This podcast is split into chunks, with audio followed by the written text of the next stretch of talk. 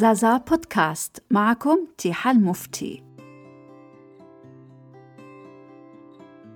تحية طيبة لكم مستمعينا أينما كنتم وأهلا بكم لمرافقتنا هذه الجولة الجديدة مع صحيفة البشائر. حكمة العدد لا تغير الثروة الإنسان وإنما تنزع القناع عن أخلاقه. لويليام جونز. طبعا يصدر العدد هذا عيد ميلاد ملك البلاد وكل تهاني وحتى الصفحة الأولى حاطين صورة للملك وكاتبين تحتها احتفلت البلاد الليبية قاطبة يوم الجمعة الماضي الموافق 12 مارس بذكرى عيد الميلاد الملكي ففي بنغازي العاصمة الشرقية للمملكة الليبية المتحدة أقيمت معالم الزينة في أهم الميادين والشوارع ونصبت اللافتات تحمل عبارات الولاء والإخلاص لصاحب العرش المحبوب. وعند الفجر أطلقت المدافع 21 طلقة إذانا بحلول يوم ذكرى مولد الملك العظيم. وفي الصباح الباكر قصدت وفود كثيرة إلى قصر المنار العامر لتسجيل أسماءهم في سجل التشريفات مهنين المقام السامي بهذه المناسبة السعيدة. في ولاية طرابلس العاصمة الغربية أقيمت احتفالات مماثلة وقصدت جموع من المواطنين إلى قصر الخلد العامر حيث سجلوا أسماءهم في سجل التشريفات مهنين آه، بهذه المناسبة السعيدة ونفس الشيء بالنسبة لولاية فزان وجاء من سبها أن مظاهر الفرح والابتهاج بعيد الميلاد الملكي عمت جميع أنحاء الولاية وفي الصفحة الأولى أيضا أمر ملكي بالعفو عن 19 سجينا وتخفيض الحكم عن 14 سجينا آخر في برقة. وقد قوبل هذا العطف الملكي الكريم في جميع الأوساط بمزيد من الفرح والاستحسان وكان له أجمل الصدى في نفوس الجميع.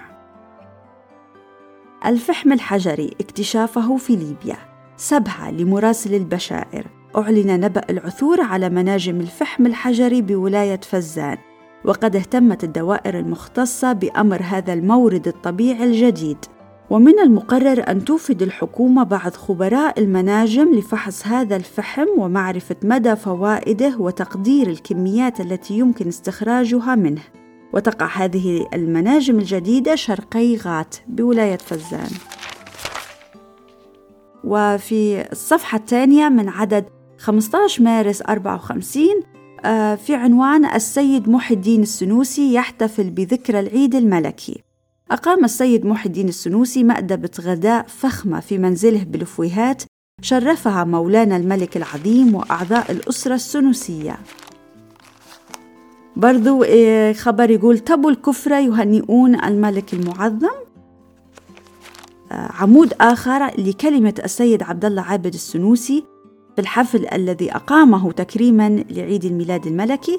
طبعا كلمة طويلة لكن آه، أهم ما جاء فيها يقول وددت أن ألقي على مسامعكم حكمة من حكم مولانا الملك المعظم وهي قوله حفظه الله المحافظة على الاستقلال أصعب من نيله. هذه حكمة بالغة أيها السادة.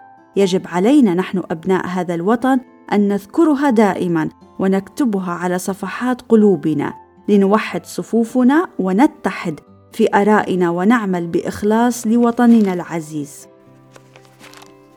وفي نفس الصفحة في إعلان آه، عين السيد إبراهيم الهوني محكما بالمحكمة المدنية في بنغازي وقد باشر في عمله منذ أول الشهر الحالي فنهنئه. برضو تهنئة أخرى سكرتير مساعد. عين في الأيام القليلة الماضية السيد عبد الحميد بن حليم سكرتيرا مساعدا بوزارة الدفاع.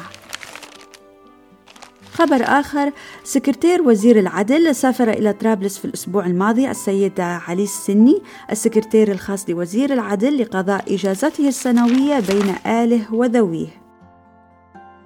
حاطين خبر إن نادي النهضة يحتفل بذكرى العيد الملكي حفلة شاي كبرى. بمقره بشارع أدريان بيلت وقد شهد الحفل جمع غفير من مختلف المدعوين يتقدمهم والي برقة وبعض كبار الموظفين والأعيان. برضو في خبر آخر مهم بعنوان 500 طن من القمح لفزان. في المقالة هذه يقولوا أنه وصلت كمية كبيرة من القمح الأمريكي آه وصلت لطرابلس لتخفيف أزمة الجفاف التي حلت ببعض المناطق الليبية. وطلبت حكومة ولاية فزان إنها آه، كمية أكبر من القمح آه، وذلك لمساعدتها نتيجة الجفاف الذي تعرضت له الموسم الفائت بالأخص في محصول التمر. وطبعا وافقوا لهم على الطلب وقد شرع في توزيعها في مختلف المناطق عن طريق المديريات. الصائغ الحديث بميدان عمر طوسون على استعداد لصياغة مختلف الحلي الذهبية والفضية والجوهرية وتصليح الحلي بجميع أنواعها بدقة ومهارة. ومن الأخبار المتفرقة مؤتمر صحي عربي يعقد بالقاهرة في إبريل مؤتمر الخبراء العرب في الشؤون الصحية لتنسيق التعاون الصحي وتنظيم مكافحة الأوبئة في البلاد العربية وإجراءات الحجر الصحي في مواسم الحج كما تقرر دعوة ممثلين من البلاد الإسلامية لحضور هذا المؤتمر للإدلاء بوجهة نظرهم في الشؤون المتعلقة بالحجر الصحي. البحثة الاقتصادية المصرية أصبح في حكم المقرر أن تصل إلى بنغازي يوم 15 إبريل المقبل لإجراء مباحثات مع المسؤولين حول العلاقات الاقتصادية بين مصر وليبيا واختيار أفضل الطرق لتنميتها. ومن المنتظر أن تبحث البحث في شكاوي بعض مصدري الأغنام إلى مصر. وفي القسم الرياضي آه، عقدت لجنة كرة القدم لولاية برقة مساء 10 مارس اجتماعا اطلعت فيه على قرارات حكام مباريات الأسبوع الماضي وصادقت على النتائج التالية.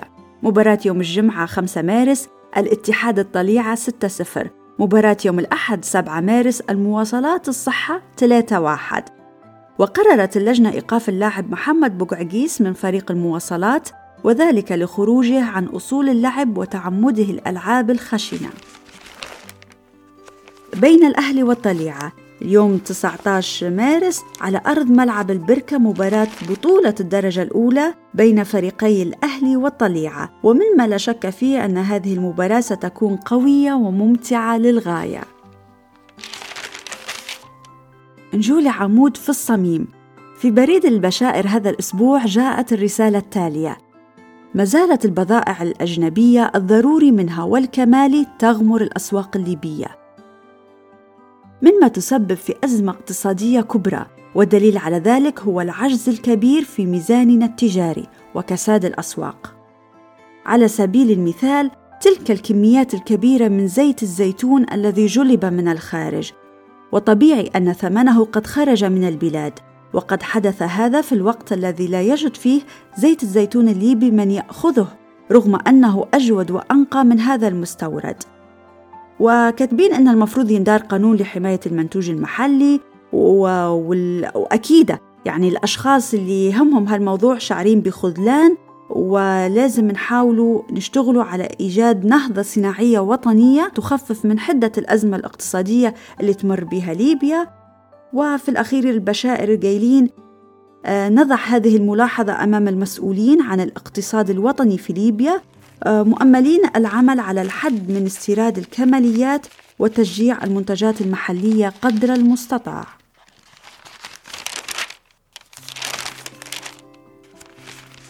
ومن أخبار آه، الترفيهية شركة السينما البرقاوية نجمان كبيران يظهران في فيلم ناهد. الإنتاج الجديد لراقية إبراهيم التي نراها هنا مع الأستاذ الكبير يوسف وهبي بجانب نخبة من النجوم اللامعة وحاطين أيامات العرض.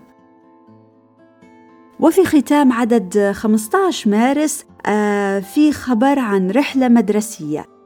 قام يوم الثلاثاء الماضي تلاميذ مدرسة الفتح الأولية برحلة مدرسية إلى ناحية الكويفيا تحت إشراف ناظر المدرسة ومدرسيها وقد صاحبهم السيد إبراهيم حماد صاحب المكتبة الحديثة. وقد أمضوا في الكويفيا مدة يومين وإنهم آه السبب ذكرهم لل للرحلة هذه في صحيفة البشائر لأنهم يوجهوا شكر خاص آه وامتنانهم للسيد عوض الشطيطي وأولاده لما لاقوه منهم من حفاوة وترحيب. استنونا في حلقة جديدة وتابعوا صفحتنا على الفيسبوك. زازا للثقافة والتنمية. إلى اللقاء.